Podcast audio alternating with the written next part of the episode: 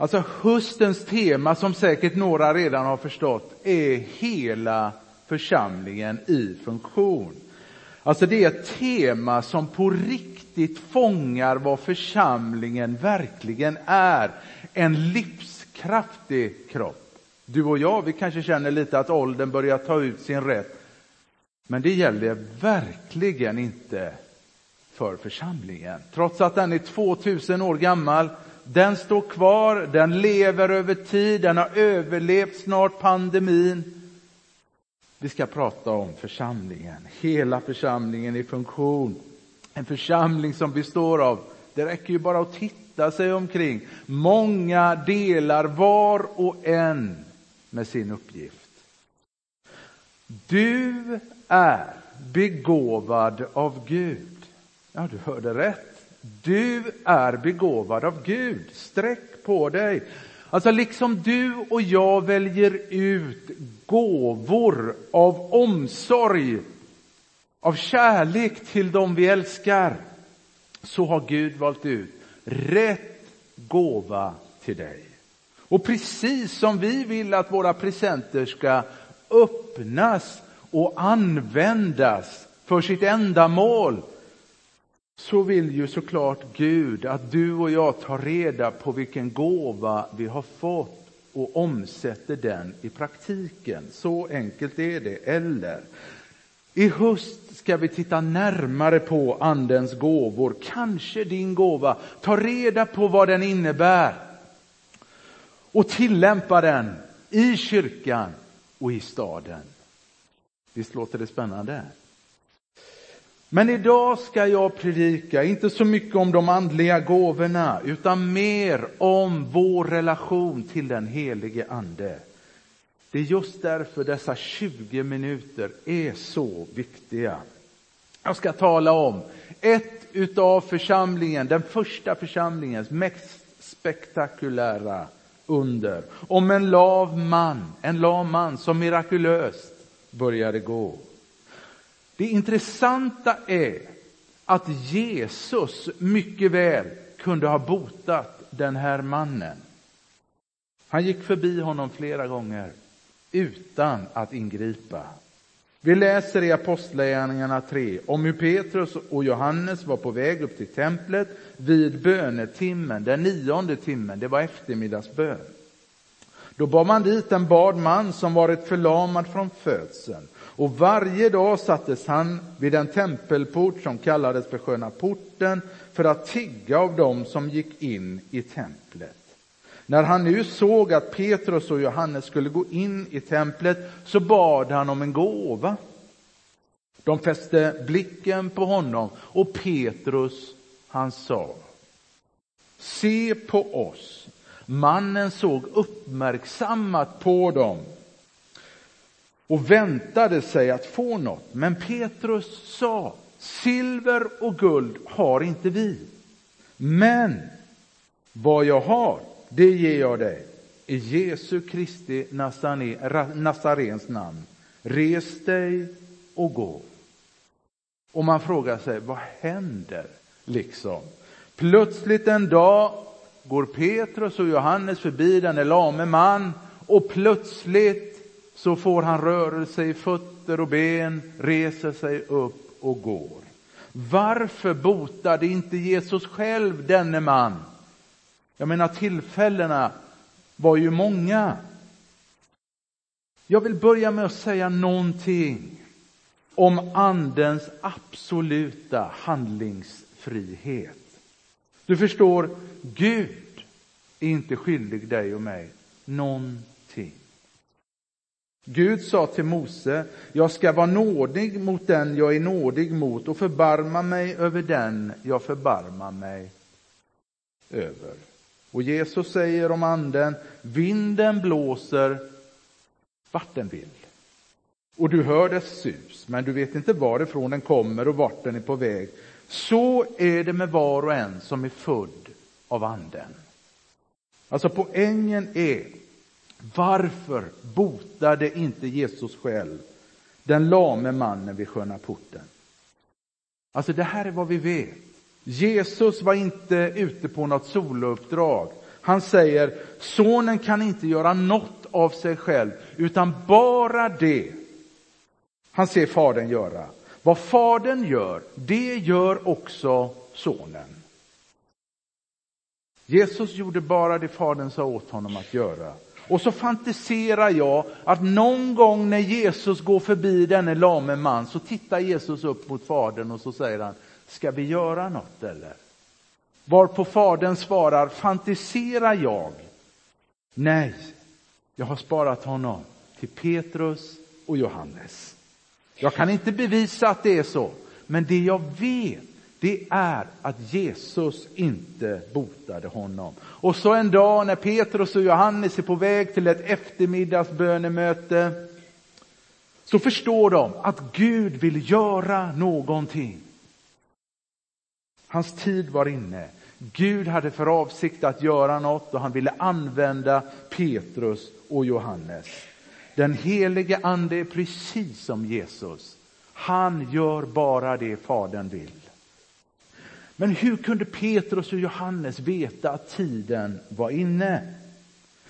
Jag vill lyfta fram ytterligare en sida av den helige Ande, nämligen hans känslighet. Alltså, du och jag behöver förstå någonting väldigt viktigt om den helige Ande, nämligen att han är väldigt känslig. Det betyder att han lätt kan bli sårad. Det är sån han är. Men kan han inte bara sluta upp med att vara så känslig? Han är ju Gud. Äh, kom igen! Ja, grejen är den att han anpassar sig inte efter oss, utan vi måste anpassa oss efter honom. Faktum är att vi läser i Efesierbrevet 4 och 30 så här. Bedröva inte den helige ande. Alltså ordet bedröva kommer från det grekiska, ett grekiskt ord som betyder att få sina känslor sårade. Alltså visste du om att den helige ande är hyperkänslig? Sanningen är att det är hur lätt som helst att såra den helige ande. Det är inte så att vi förlorar vår frälsning om vi sårar honom. Nej, Paulus kunde inte ha varit tydligare. Han säger bedröva inte Guds heliga ande som ni har fått som ett sigill för befrielsens dag. Nej, jag menar så här. När du och jag sårar den helige ande så finns relationen kvar, men han lämnar rummet för att han inte trivs. Samma sak gäller ju oss. Vem av oss gillar att vara i ett rum med dålig stämning? Då vill man ju helst gärna gå därifrån, eller hur? Det finns en intressant bibeltext i Johannes evangeliets första kapitel. Johannes döparen han säger, skälet till varför jag visste att Jesus var Guds son var för att Gud sagt till mig, den du ser anden komma ner och stanna över som en duva, han är Guds son. Flera av er känner till att Bibeln beskriver den heliga ande som en duva. Ja visst, han beskrivs som en stormvind och en eld också naturligtvis. Men vi frågar oss ändå varför som en duva? Jo, duvan är en väldigt känslig fågel. Du kanske säger, jag tror det var fredens symbol. Men man kan ju också säga att fred här på jorden är ju väldigt vanskligt. Det räcker ju att vi går ner mot Israel så förstår vi att det är en skör fred, eller hur? Här är en sak som jag har upptäckt, som jag inte har tänkt på tidigare. Den helige ande skulle komma ner från himlen för att stanna, men han stannar inte över mig oavbrutet. Det finns stunder då jag uppfylls av den helige ande, känner bara wow vilken glädje, vilken kärlek, vilken frid. Och man tänker bara Gud, stanna, snälla stanna. Men innan dagen är slut så tänker man, vad var det som hände? Han som var så påtagligt nära på morgonen. Jag har ett sånt ögonblick för drygt en vecka sedan och det här blir lite av en bekännelse för min fru som är med här idag. Jag hade haft en härlig stund med Gud på morgonen som påverkade egentligen hela dagen. Och senare på eftermiddagen så skulle vi köra min äldsta son till Nässjö där han ska tima ett år. Och, eh, men istället för att bara vara glad att han är på väg dit och sådär, så blev jag arg. Arg för all packning som knappt fick plats i den lilla Toyota Aurisen. Alltså, jag vet inte var jag hittade utrymme någonstans, men jag hittade utrymme överallt. Jag var så arg. Och vi satt där i bilen och jag bara liksom kände att ah, stämningen var inte bra. Och jag ber om förlåtelse för detta. Och det är klart, det var en stämning som den helige ande också kände av. Och lik duvan så flög han sin väg. Men poängen är, det hände aldrig med Jesus. Jesus bedrövade aldrig den helige ande. Därför så förblev också den helige ande över honom hela tiden. Han vandrade omkring, står i andens kraft. Tänk om du och jag kunde lära oss att aldrig bedröva den helige ande. Vi måste fråga, vad bedrövar den helige ande? Ja, även här är Paulus väldigt tydlig. För efter att han hade sagt just det han sa om att inte såra anden, så säger han, lägg bort all bitterhet, häftighet, vrede, allt skrikande och förolämpningar och all annan ondska. Alltså det huvudsakliga sättet som du och jag sårar den helige ande på, det är när vi är bittra, arga och förolämpar andra. Men hallå, var lite arg kan väl inte vara så farligt? Ja. Det är inte det att du förlorar frälsningen som jag sa, men saken är den att den helige ande inte trivs. Vad jag försöker säga är, är att det är så lätt att bedröva den helige ande. Jag vet inte om vi har någon duvexpert ibland oss. Hade Tom varit här så hade jag frågat honom. Vi har haft lite sjå med matade duvor här utanför kyrkan och jag kom här häromdagen och två duvor gick på uppfarten till kyrkan och de flyttade inte på sig. De hade gjort sig väldigt hemmastadda här kan jag säga. Alltså duvan är en mycket artrik fågel. Det finns hur många duvarter som helst. Och de liknar väldigt mycket varandra, bort, bortsett från en sak, och det är temperament. Vissa arter är mer sårbara än andra. Det finns en berättelse om ett brittiskt par som blev utsända som missionärer till Israel. Och de fick en bostad nära Jerusalem. Och några veckor efter att de hade flyttat in i huset så märkte de att en duva hade gjort sig hemmastad där under taksprånget på deras nya hem. Men de märkte också att varje gång de smällde i en dörr eller grälade med varandra så flög duvan sin väg. Och en dag så sa frun till mannen, har du tänkt på att varje gång vi smäller i en dörr eller som vi grälar på varandra så flyger duvan iväg. Och mannen han svarade, ja, jag har märkt detta. Jag är rädd att den ska flyga iväg och aldrig mer komma tillbaka. Antingen anpassar sig duvan efter oss eller så anpassar sig vi efter duvan. Och deras ansträngningar för att få duvan att stanna kvar där i taksprånget förvandlade deras liv. Det är så lätt att såra den helige ande. Vi är ju bara människor, sant. Men ändå är det sådan den helige ande är. Alltså detta är troligen den viktigaste insikt jag har lärt mig de senaste veckorna. Och när du börjar tillämpa den på dig själv så kommer den att förvandla ditt liv också.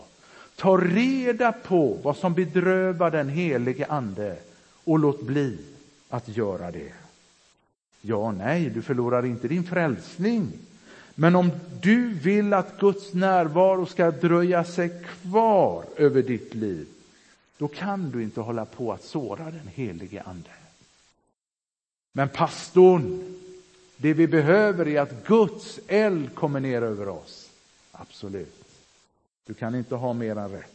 Men vet du, innan elden kom över de första församlade på pingstdagen, vad hade de gjort då?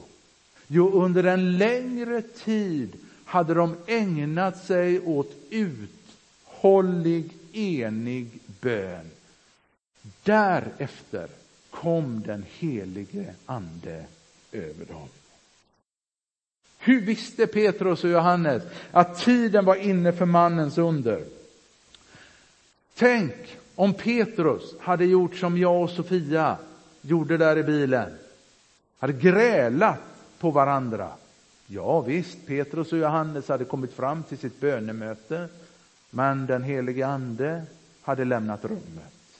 Eller tänk om Johannes och Petrus hade tjafsat med varann där på vägen om triviala ting. Jag lovar, andens närvaro hade varit som bortblåst. Men de höll ihop. De sa, se på oss, de var ett. Tänk vilken skillnad vi som kyrka skulle göra om vi ännu mer stod enade i uppdraget att vara en kyrka för staden. Jag tänker när jag tittar ut.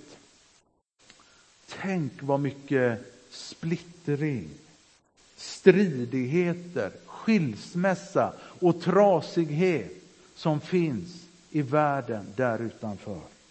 Vi som kyrka är kallade att hela en, trasad, en trasig värld. Eftersom Petrus och Johannes inte hade bedrövat den helige Ande så kunde Anden bruka dem. De kom aldrig fram till något bönemöte. Du förstår, de var känsliga för den helige Ande. De fångades av Andens vind och Anden förde dem dit han ville. Vi talar om Guds ande. Han är suverän, han är känslig och vet du vad, han älskar också att överraska.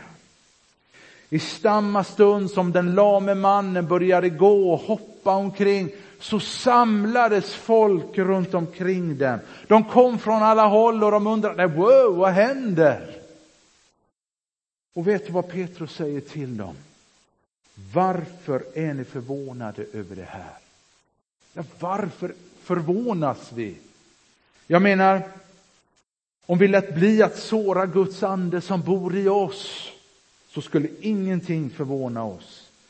Tänk om vi som församling var och en lärde oss vad som sårar den helige ande och lät bli att göra det. Vad skulle inte kunna hända? Ingenting skulle förvåna oss längre. Och det leder oss till det fjärde och sista som jag vill säga om den helige ande. Nämligen den helige andes strategi. Varför botade Jesus inte själv den lame mannen? Varför? Vet du vad jag tror? Jag tror att Gud väntade på rätt tillfälle, precis som han alltid gör. Församlingen i Jerusalem behövde en ny startpunkt för evangeliets utbredning. Men de hade ju pingstdagen, tänker vi. Ja, men vet du, grejen med pingstdagen var att alla de som var där i Jerusalem den dagen, var kom de ifrån? Ja, men de kom från hela världen till Jerusalem och de i sin tur reste tillbaka hem, naturligtvis förvandlade det var enbart ett fåtal kvar i församlingen i Jerusalem och de behövde en ny startpunkt. Gud hade en plan och det har han för ditt liv också. Det är ju det som är så fantastiskt. Han har en plan för er, Amina och Emma och för oss alla. Och så kom dagen då Petrus och Johannes var på väg till Jerusalem och plötsligt fattar Gud vill göra någonting. Alla visste vem den lame mannen var. Han var ökänd i stan. Och det är klart att när de ser han gå omkring och hoppa där, liksom lovprisa Gud, det är klart att det liksom blir en sensation, en happening. Och vet du vad Petrus svarar? Och detta är mycket viktigt. Varför stirrar ni på oss? Vad skulle vi svara som kyrka ifall det hände något likadant? Se vad som hände i vår kyrka. Inte Petrus och Johannes. Nej, varför stirrar ni på oss som om vi av egen kraft eller fromhet hade gjort att han kunde gå? Nej, vem pekar de på? Exakt det som Jerusalem behövde. De sa Abrahams, det här är ju intressant, det går ju jättelångt tillbaks. Abrahams, Isaks och Jakobs Gud, våra fäders Gud, har förhärligat sin tjänare Jesus. Livets första dödade ni. Men Gud har uppväckt honom från de döda. Och det är vi vittnen till. Wow! Petrus och Johannes riktade uppmärksamheten mot Jesus som kommit hit ner till jorden som vår frälsare och vän. En sak ska du veta, och jag avslutar med de här orden. Detta är troligtvis det viktigaste jag kommer att säga idag. Det första jag vill ha sagt, ta reda på vad som bedrövar den helige Ande och låt bli att göra det. Det andra och viktiga, det jag vill avsluta med att säga, det är följande.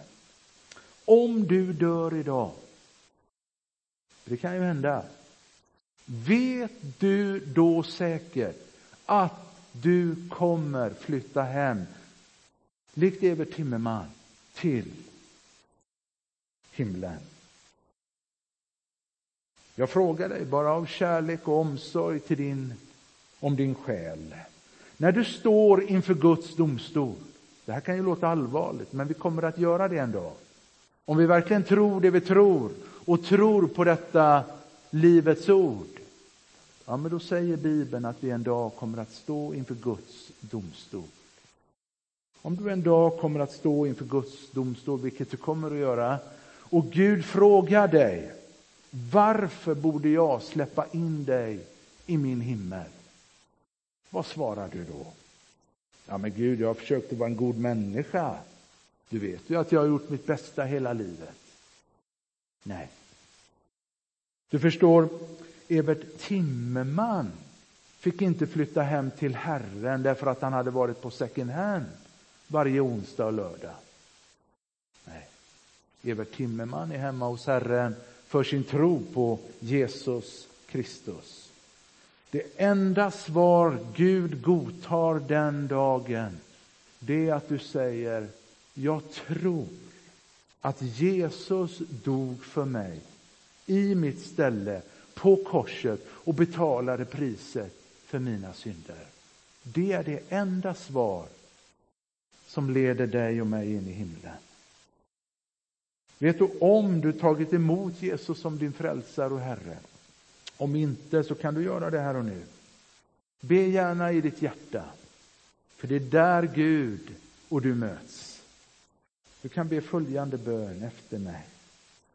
Jesus min Herre, jag behöver dig. Jag vill ha dig.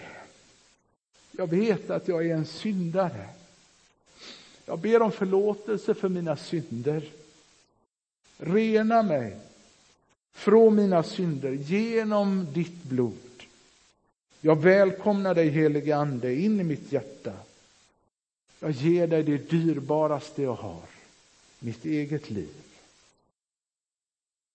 Om du bad den bönen ärligt i ditt hjärta, då har du som Bibeln säger blivit född på nytt och jag säger bara stort grattis på födelsedagen.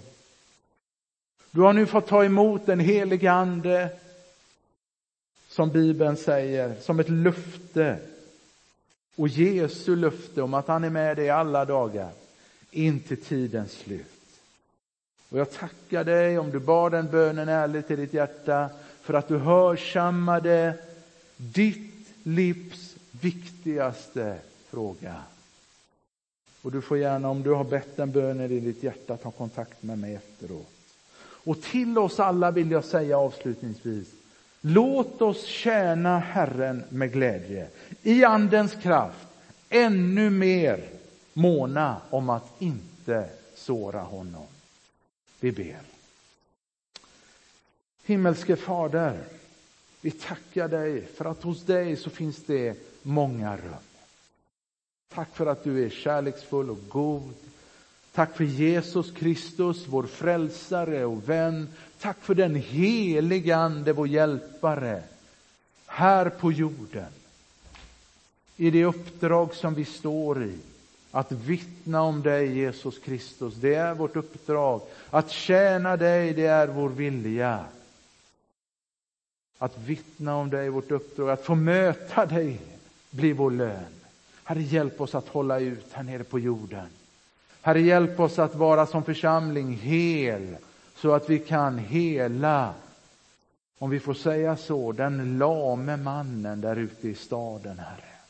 En trasig värld behöver Guds kraft och helande till ande, kropp och själ. Vi ber så i Jesu underbara namn. Amen.